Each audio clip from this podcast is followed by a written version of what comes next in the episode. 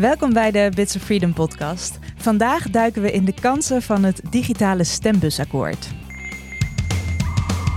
Geen datalekken, achterbakse tracking, geen bizarre wetten, gewoon geen wereldvreemde shit voor het wereldwijde web. Wil jij weten wat er speelt rondom het internet? Dit is Bits of Freedom. De verkiezingen zijn geweest. De stemmen zijn geteld en hopelijk zullen we snel weten hoe de kaarten in Den Haag geschud zijn. Hoe het kabinet eruit gaat zien, welke partijen met elkaar de coalitie vormen en welke partijen oppositie voeren. De PVV is natuurlijk de grootste geworden, maar laten we niet vergeten dat GroenLinks, PvdA, D66, ChristenUnie, Partij voor de Dieren, SP, Volt, Denk, Bijeen en de Piratenpartij zich met het digitale stembusakkoord verbonden hebben aan een hele rits van afspraken over digitale zaken. Bovendien gaf NSC aan zich inhoudelijk te kunnen vinden in de gedachten achter het digitale stembusakkoord, ook al is de partij terughoudend in het sluiten van stembusakkoorden. Ik heb het er vandaag over met Lotte Houwing. Hoi Lotte. Hallo. En dat doe ik natuurlijk samen met onze directeur Evelyn Austin. Ha Evelyn. Hey. Maar voordat we naar het digitale stembusakkoord gaan, Evelyn, hoe was jouw week op het internet? Mijn week op het internet was anoniem.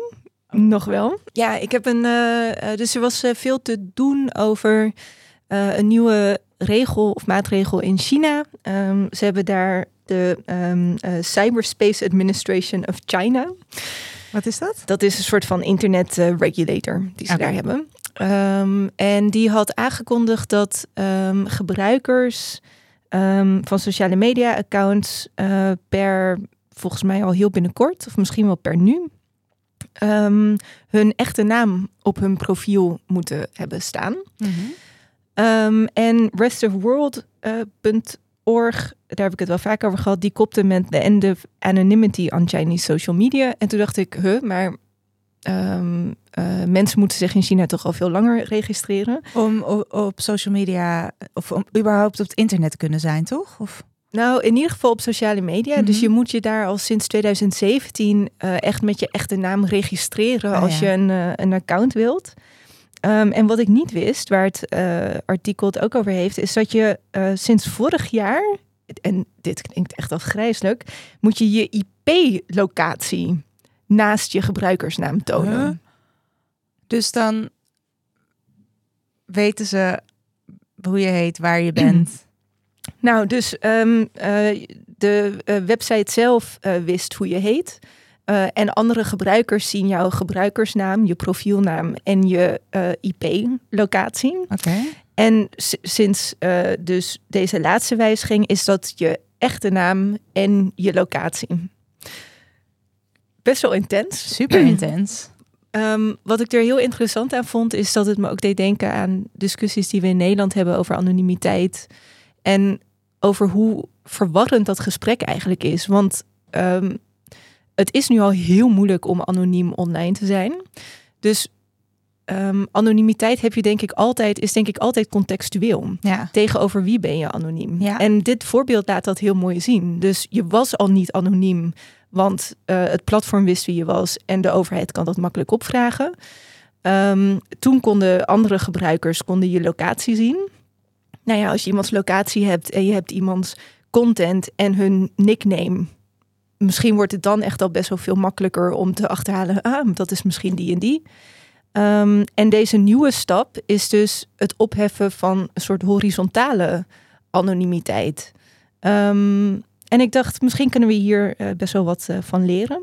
Eh, ook voor de Nederlandse discussie. Nou, en eh, sorry, het, laatste wat ik heel boeiend vond. Dus dit gaat eh, gelden voor wat ze dan de big V's noemen. Dus eh, grote verified influencers. ehm, die een bepaalde hoeveelheid volgers hebben. En wat er dus is gebeurd de afgelopen week, is dat mensen followers aan het verwijderen zijn. Dus fans are being purged. Oh, want ze willen kleiner worden, zodat ze Ja. niet aan die plicht hoeven Ja. te voldoen. En dit zijn mensen die heel vaak ook hun geld verdienen hiermee. En voor hun is het zoveel belangrijker dat ze eh, tegenover andere gebruikers anoniem kunnen blijven, dan dat het is om, uh, om dus dat, uh, die inkomsten te, te hebben. Um, dus één gebruiker, um, het artikel is echt de moeite waard, geeft een aantal hele goede voorbeelden. Maar één gebruiker is bijvoorbeeld van uh, 2 miljoen volgers naar 200.000 volgers gegaan. Uh, dus het gaat hier echt om grote aantallen. Ja, dus echt ook om inkomen wat deze mensen waarschijnlijk niet ja. meer gaan hebben. Ja. Super interessant. Uh, ik zal het artikel zoals altijd linken in onze show notes. En natuurlijk ga ik het ook zelf lezen. Dankjewel.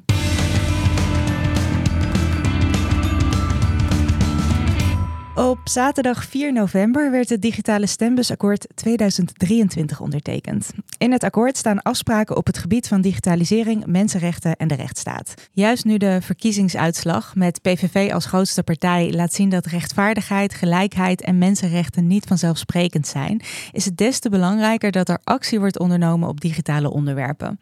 Wij hopen dat het stembusakkoord hier alsnog aan kan bijdragen. We hebben geen tijd om het hele akkoord tot op de letter door te nemen. Ik zal een linkje in de show notes zetten naar het hele akkoord. Daarom hebben Lotte en ik twee punten uit het akkoord uitgekozen om uh, te bespreken. En het eerste punt in het uh, digitale stembusakkoord dat we willen bespreken gaat over toezicht op AI en algoritmische besluitvorming. En um, omdat ik snap dat niet iedereen super ingevoerd is in dat akkoord, uh, ga ik even oplezen wat er uh, staat in het akkoord. Er komt een algoritme toezichthouder met passende bevoegdheden en een passend budget om onder andere discriminatie door algoritmes tegen te gaan. Overheden en private organisaties worden verplicht het gebruik van alle hoogrisico-algoritmen te voorzien van een mensenrechten impact assessment en op te nemen in het algoritmeregister. Alle overheidsalgoritmen worden transparant en controleerbaar gepubliceerd. Er komt een verbod op het gebruik van data over nationaliteit of etniciteit en andere afkomst gerelateerde data in risicoprofielen van overheden. Hele mond vol. Inderdaad, hele mond vol. Lotte, wat betekent dit wat hier staat? Ja, ik denk, uh, ik pik er even een aantal dingen uit, want ja. het is inderdaad wel een hele mond vol. Um, dus om te beginnen bij de toezichthouder. Um, er moet gewoon een algoritme toezichthouder komen. En dat was Die eigenlijk. niet. Nou, het ligt een beetje complex. Het was eigenlijk al een belofte in het vorige, dus huidige, als deze podcast uitkomt, misschien niet meer. Nou ja, de vorige keer dat er een regeerakkoord werd mm -hmm. opgesteld, uh, is daarin ook gesproken over een algoritme toezichthouder die er zou komen. Mm -hmm. um, dat is eigenlijk meer een coördinator geworden met een beetje een toezichthouderstrikje eromheen. Um, dus die echte toezichthouder of algoritme toezichthouder, die hebben we niet. Wat we wel hebben is toezicht, maar dan heel versplinterd. Dus er is de AP voor toezicht op persoonsgegevens. Er is het College voor de Rechten van de Mens voor toezicht op dingen die te maken hebben met discriminatiezaken. Er is de Rekenkamer voor financiële aangelegenheden, ook wel een beetje met algoritmen. En er is de ACM, Autoriteit Consumentenmarkt, voor consumentendingen. Maar waar moet je dan als burger heen? Ja. Vooral bij algoritmen, waar dingen ook nog wel eens samenkomen. Dus wat er eigenlijk mist, is gewoon een duidelijk loket waar je als burger heen kan als toezichthouder. En wordt dan een van deze instanties, de, zeg maar, gaat de AP toezicht houden op algoritme? Um, nou ja, ook in de AI-verordening wordt voorgeschreven dat er een uh, algoritme toezichthouder moet komen. En deze partijen hebben zich daar nu natuurlijk op vastgelegd. Dus het lijkt er wel op dat dat echt gaat gebeuren. En er wordt wel over gesproken dat dan dat de AP zou worden. En dan komen we dus een beetje op dat stukje met passend, uh, passende bevoegdheden, passend budget. Uh, in de AI-verordening worden er ook bevoegdheden toegeschreven aan deze toezichthouder. Maar we hebben eigenlijk vooral een beetje twijfels bij de AP als het aankomt op expertise en daadkracht. Want tot nu toe zijn we niet heel erg onder de indruk van hun werk op algoritme. Oké, okay, dus daar is nog wel wat werk aan de winkel met het uh, beslissen wie dan de toezichthouder wordt en hoe die, um, nou ja, welke bevoegdheden, hoeveel geld en dergelijke daar naartoe gaat. Oké, okay, check. Je hebt, je hebt twijfels over de daadkracht en de expertise van de AP. wat, wat blijft er dan over waar je geen twijfels over hebt? ja, dat is een terechte vraag. De, ja, ik bedoel, het stukje budget was al wel best wel wat winst opgehaald. Hmm. Uh, dus ondanks dat wij daarvoor pleiten, ik bedoel, ik vind ook wel dat een voorwaarde voor het goed Hmm. kunnen doen van het werk door een toezichthouder is natuurlijk budget. Hmm. Eh, maar ik denk wel dat daar al het meeste winst op is behaald. Hmm. Ehm, dus nu is het afwachten. Wat gaan ze daarmee doen? Ja, Wij willen resultaat. resultaat zien. ja, inderdaad. En over het stuk eh, transparantie en controleerbaarheid. Hè? Want dat is ook een, een belangrijk ding wat hier staat in het eh, gebeuren van AI en algoritmische besluitvorming. Ja, dat is voor ons een belangrijke inzet altijd geweest van het lobbywerk eh, rond algoritme. Ehm, en dat is ook omdat je eigenlijk ziet dat er vaak wordt geschermd met ja, het is echt heel moeilijk bij geautomatiseerde besluitvorming om goed uit te leggen hoe zo'n besluit dan tot stand komt. Eh, maar wij denken eigenlijk, ja, als je niet kunt uitleggen hoe een bepaalde beslissing is gemaakt, dan is die gewoon niet op de juiste manier tot stand gekomen. Dus wat heel erg belangrijk is, is dat er gewoon duidelijk is op welke gronden is deze beslissing nou gemaakt. Um, en dat zien we echt als niet de grote oplossing voor al het werk rond algoritme, maar eigenlijk als een noodzakelijk begin en voorwaarde voor rechtsbescherming. Omdat als jij als burger geen inzage kan krijgen in hoe een bepaalde beslissing die jou raakt is gemaakt, wordt het ook al heel erg moeilijk om daar een inhoudelijk gesprek over te voeren. Laat staan om zo'n beslissing aan te vechten. Dus daarom, uh, daarom maken wij ons daar heel hard voor. Ja, dus ook een hele belangrijke afspraak voor ons dat die in het uh, digitale stembusakkoord terecht is Zeker gekomen. weten, ja. Um, nu is uh, dat akkoord door een, een hele bubs aan partijen ondertekend. Ik heb wel begrepen dat dat niet per se betekent dat alles hierin uitgevoerd gaat worden. Of natuurlijk uitgevoerd gaat worden zoals wij hopen. Um, waar gaan wij op letten bij de uitvoering van dit deel van het stembusakkoord? Um, nou, we gaan heel erg letten dat Nederland is nu eigenlijk een, een soort berucht waar het aankomt op, op slecht algoritmegebruik. We zijn een soort hofleverancier in de Europese Unie van voorbeelden um, waar, waar vroeger mensen nog hypothetisch verwezen van oh ja, denk hierbij wel aan deze risico's. Um, dat is nu niet meer nodig. Je kunt gewoon verwijzen naar concrete voorbeelden. Waar is het misgegaan? En dan denk dan met name eigenlijk aan fraudeopsporingstoepassingen. Uh, en die komen vooral uh, uit Nederland. De, toeslagenaffaire is daar eigenlijk het bekendste voorbeeld van. Um, maar helaas is het daar niet bij gebleven. Uh, en hebben we ook daarna nog meerdere algoritmische toepassingen gezien. Uh, met uitkomsten uh, waar veel discriminatie in zit. Dus het is gewoon tijd dat dat stopt. En dat kan ook eigenlijk alleen als instanties die nu nog steeds dit soort toepassingen gaan inzetten, daar echt verantwoordelijk voor worden gehouden. Um, en daar ligt denk ik ook een, uh, een, rol voor ons. Ja, dat is zeker iets waar we uh, in de komende regeerperiode natuurlijk op gaan letten. Um, een ander punt waar uh, we het over gaan hebben is de vrije publieke ruimte. En ik ga ook even voorlezen wat er in het digitale stembusakkoord is afgesproken daarover. De overheid moet de vrijheid van meningsuiting en het demonstratierecht respecteren en beschermen, ook online. Dit betekent dat opsporingsdiensten en andere autoriteiten geen gebruik maken van onwettige of disproportionele surveillancemiddelen. De publieke ruimte blijft vrij van biometrische surveillance-technologie, zoals gezichtsherkenning.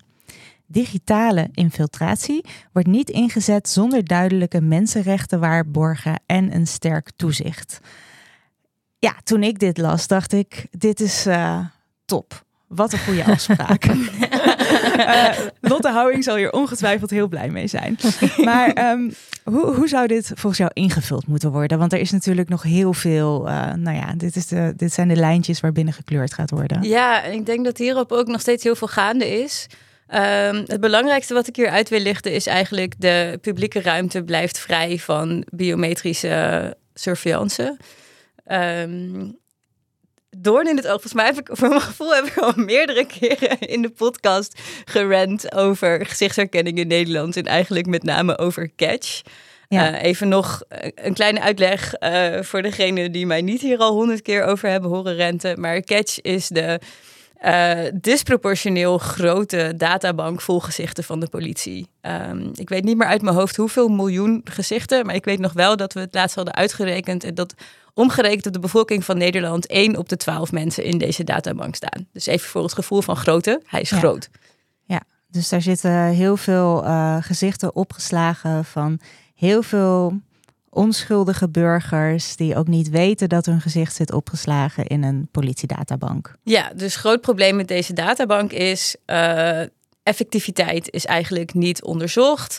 Ehm, er zijn wel cijfers over hoe vaak de politie het gebruikt en hoe vaak er dan bijvoorbeeld een match uitkomt, maar niet over in hoeverre die dan ook bijdraagt aan het opsporingsonderzoek. Ehm, en dat is natuurlijk de grote reden waarom we dit hebben. Ehm, verder staan daar mensen die veroordeeld zijn voor hele heftige dingen, zoals moord, bijvoorbeeld gewoon in één databank met een activist die een keer is opgepakt en niet wilde meewerken aan zijn eigen identificatie.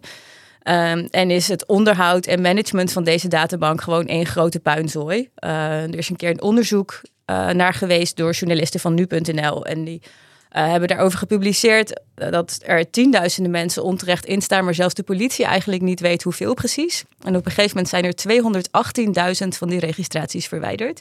Maar het is daarmee dus niet duidelijk of het probleem is opgelost. Oh, hoe kan het toch zo'n zooitje zijn? Hè? Ik snap dat nou, gewoon niet. Inderdaad. Dus ik zou zeggen, stop hier gewoon mee. Kappen. Maar ja. in plaats daarvan zagen we dus laatst uh, dat de marechaussee hier ook gebruik van heeft gemaakt bij het identificeren van klimaatactivisten bij de actie in Schiphol. En zagen we nogmaals hoe dit mis kan gaan omdat die uh, identificaties in elk geval deels helemaal niet klopten en wel op basis daarvan vrij intimiderende brieven naar mensen zijn gestuurd. Ja, want er zijn toen mensen uh, die hebben brieven gekregen om zich te verantwoorden voor hun, hun uh, aanwezigheid bij de demonstratie, die, ze daar, die daar helemaal niet aanwezig waren, toch? Ja, klopt.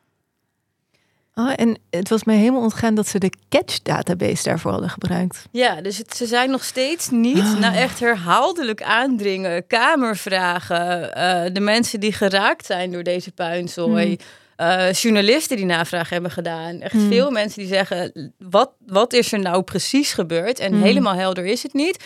Maar waar het op lijkt, is dat ze dus sociale media monitoring hebben ingezet. Dus ze hebben gekeken welke profielen er uh, post van Extinction Rebellion hebben geliked. Mm. En die hebben ze een soort van verzameld. Daar hebben ze de profielfoto's van gebruikt om die vervolgens ook weer te matchen met uh, een deel foto's die ze hebben gebruikt of gemaakt mm. tijdens die klimaatdemonstratie. Mm. En ergens in deze mix zit volgens mij ook nog catch. Want in de beantwoording van de Kamervragen verwijzen ze dus naar een protocol voor identificatie, want wat daar wat weer verwijst naar catch. Mm. Maar dus goed, ik denk ook dat dan... die mensen daar nu ook in staan. Ja, en als we het dan hebben over transparantie van je werkwijze, uh, vind ik dit toch ook wel weer, uh, Hmm. nou ja, een knap staaltje van niet transparant zijn over waar komen die gezichten dan vandaan? Waar hebben jullie het Hmm. allemaal doorheen gehaald?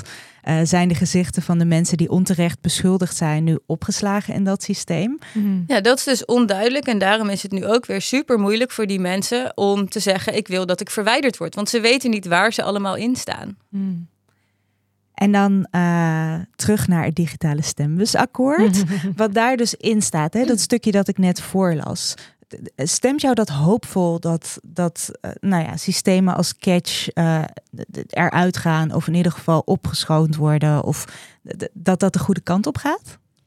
Um, in elk geval dat Catch dan niet meer gebruikt zou mogen worden voor dingen die plaatsvinden in de openbare ruimte. En dat zijn toch wel in elk geval demonstraties. Uh, die zijn vaak op de straten. Um, en daar zouden dan niet beelden mogen worden gemaakt die vervolgens gebruikt worden uh, voor gezichtsherkenning om mensen te identificeren. Dus wat dat betreft denk ik, nou, als ik zie hoe dat nu, hoe, makkelijk blijkbaar uh, overheidsinstanties daar gewoon bij kunnen en daar gebruik van, van maken, dan denk ik dat dit een, een stap de goede richting in is. Ik wil daar een vraag over stellen. Want uh, de politie zou waarschijnlijk zeggen: ja, maar het is voor de veiligheid van de demonstranten super belangrijk dat we oog houden op wie daar aanwezig zijn en eventuele soort bekende oproerkrijers uh, eruit pikken. Um, er zal vast ook heel veel herkenning of identificatie ter plaatse gebeuren door agenten. Um, is dat, wat maakt het um, zoveel erger wanneer dat gebeurt met behulp van die gezichtsherkenningstechnologie? Een van de dingen, denk ik, die daarbij speelt, is schaal.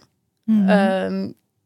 als je al zegt van we willen dat de politie bekende oproerkrijgers eruit haalt, dan Mhm. gaat dat om mensen die bekend zijn bij de politie. Hmm. En dat is dan vrij kleins- kleinschalig. Terwijl met de behulp van dit soort technologie zou je dus iedereen op de hele demonstratie kunnen Mm. identificeren en bijhouden Mm. wie altijd overal waar is. Hmm. Ehm, dus dat is denk ik heel erg problematisch. Een andere is dat ze dus totaal risico's op de koop toenemen van gebrekkige technologie inzetten voor doelen waar het gewoon bekend van is dat het niet goed functioneert. Hmm. Dit soort gezichtsherkenningstechnologie werkt goed als je in een hele gecontroleerde setting een foto van iemand maakt en die vergelijkt met een andere foto die ook in een vrij gecontroleerde setting is gemaakt. Terwijl foto's die gemaakt worden tijdens een demonstratie dat absoluut niet zijn. Profielfoto's dat ook vaak absoluut niet zijn. Hmm. Dus die met elkaar gaan matchen heeft echt een veel te grote foutmarge. En dat dan gewoon inzetten als opsporingsmiddel en daar ook nog eens vervolgens gewoon naar gaan handelen, Hmm. vind ik echt enorm onverantwoordelijk. Hmm. Ja, het is wel ingewikkeld, want ik bedoel, dat is niet ingewikkeld wat je net uitlegt, dat is heel helder. Ehm, maar ik, ik kan me voorstellen in de discussie dat heel vaak wordt gedaan, oh, de politie mag nu al mensen identificeren. Dat mag straks ook, maar doen we het gewoon op een net iets andere manier. Dus de soort van risico's en waarborgen veranderen heel erg naarmate je andere technologie gebruikt. Ehm, maar dat wordt eigenlijk in de discussie volgens mij veel te weinig meegenomen. Ja, ik denk ook dat te weinig wordt meegenomen. Want wat je ook ziet is dat het het nu heel erg naar voren haalt.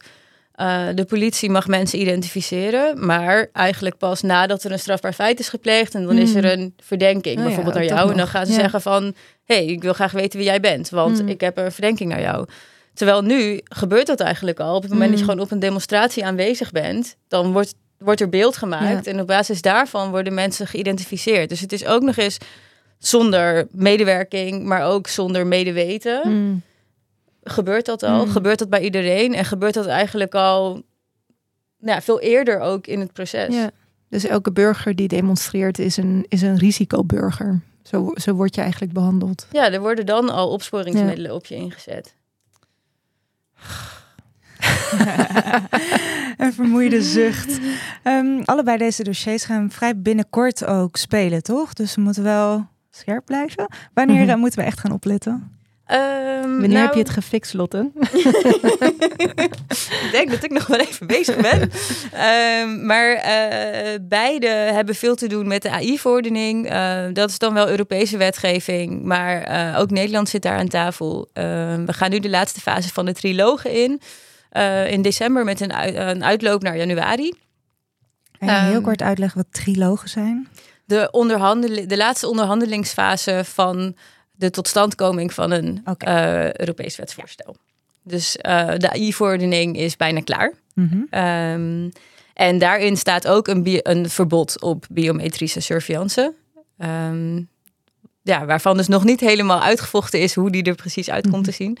Dus eh, dat is nog wel even spannend. En dan volgt nog de implementatie van de lidstaten zelf. Ja, precies. Dus dan komen er vragen als: oh, in de AI-verordening staat dat er een toezichthouder op algoritme in Nederland moet komen. En dan moet Nederland fixen dat dat er komt. Dus dan gaan er vragen spelen als: wordt dat de AP of wordt dat een nieuw iets? Nou ja, dat soort, eh, dat soort dingen.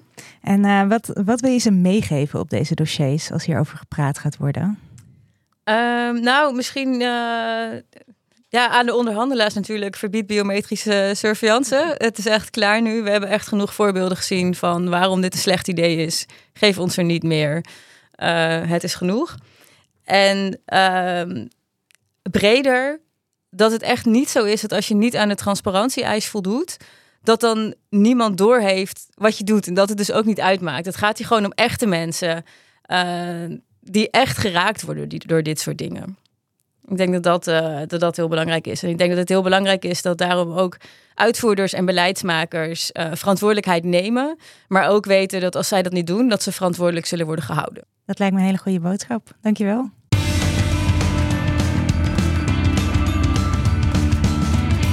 We sluiten de podcast elke week af met een telefoontje naar iemand met een bijzondere kijk op de verkiezingen en digitale zaken. Deze week is dat Marijn van Vliet. Hij is public affairs stratege, onder andere voor ons in Den Haag. Ik sprak hem in de eerste aflevering al even over de verkiezingen, die er toen nog aankwamen. En nu wil ik graag alles van hem horen over het formatieproces. Ik ga hem bellen.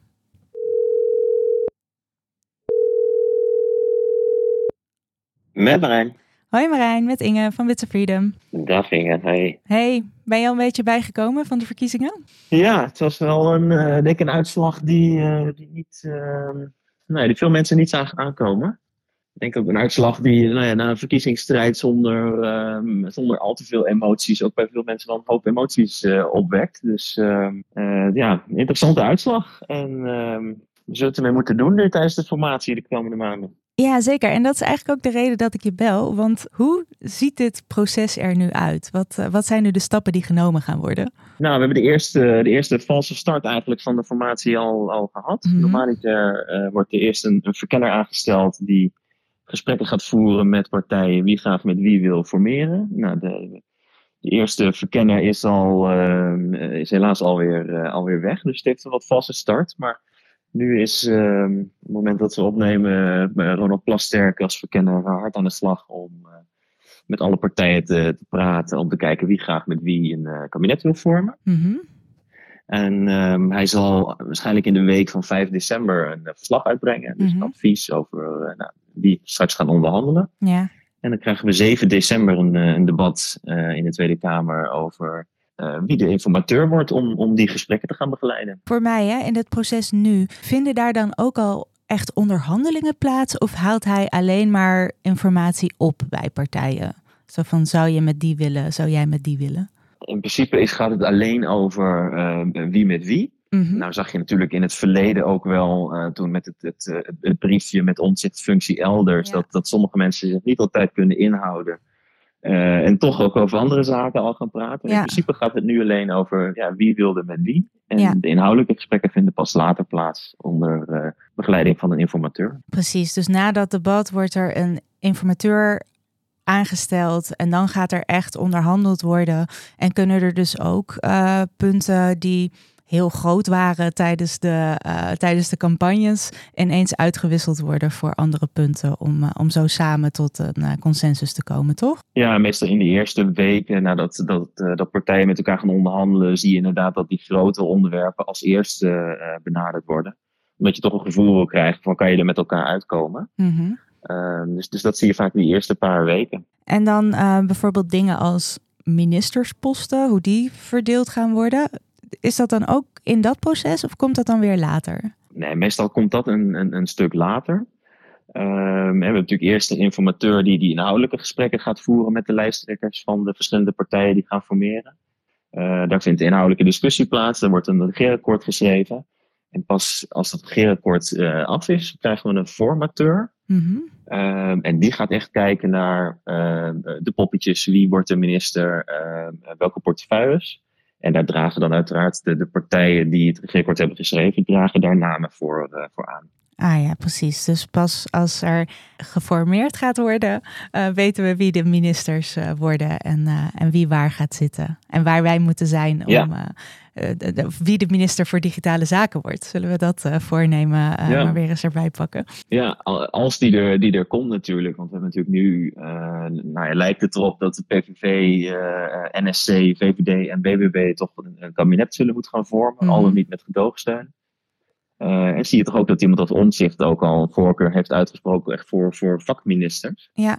Um, dus als dat een, iets heel belangrijks is voor hem om überhaupt mee te doen aan een kabinet met de PVV, dan kan het natuurlijk zo zijn dat hij dat ook al uh, gelijk in het begin van die onderhandelingen ook al, uh, al inbrengt. Ja, een interessant uh, proces gaat het worden. En jij houdt het gelukkig voor ons in Den Haag goed in de gaten. Onze podcastserie over de verkiezingen loopt op zijn eind. Maar ik zou je in een volgende serie graag nog willen bellen om, om hierover bij te praten. Heel graag. Ik denk ook dat we nog wel even bezig zijn met formatie. Ja, dus dat zo, moet lukken. zo klinkt het wel. In ieder geval bedankt voor je tijd en uh, we spreken elkaar weer. Graag gedaan. Oké, Tot snel. dag.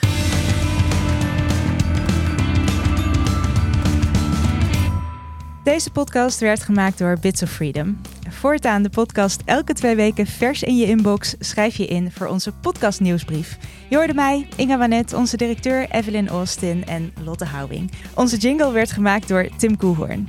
De podcast werd geproduceerd en geëdit door Randal Pelen van YOLO Media. Veel dank aan onze donateurs en natuurlijk aan jou, de luisteraar.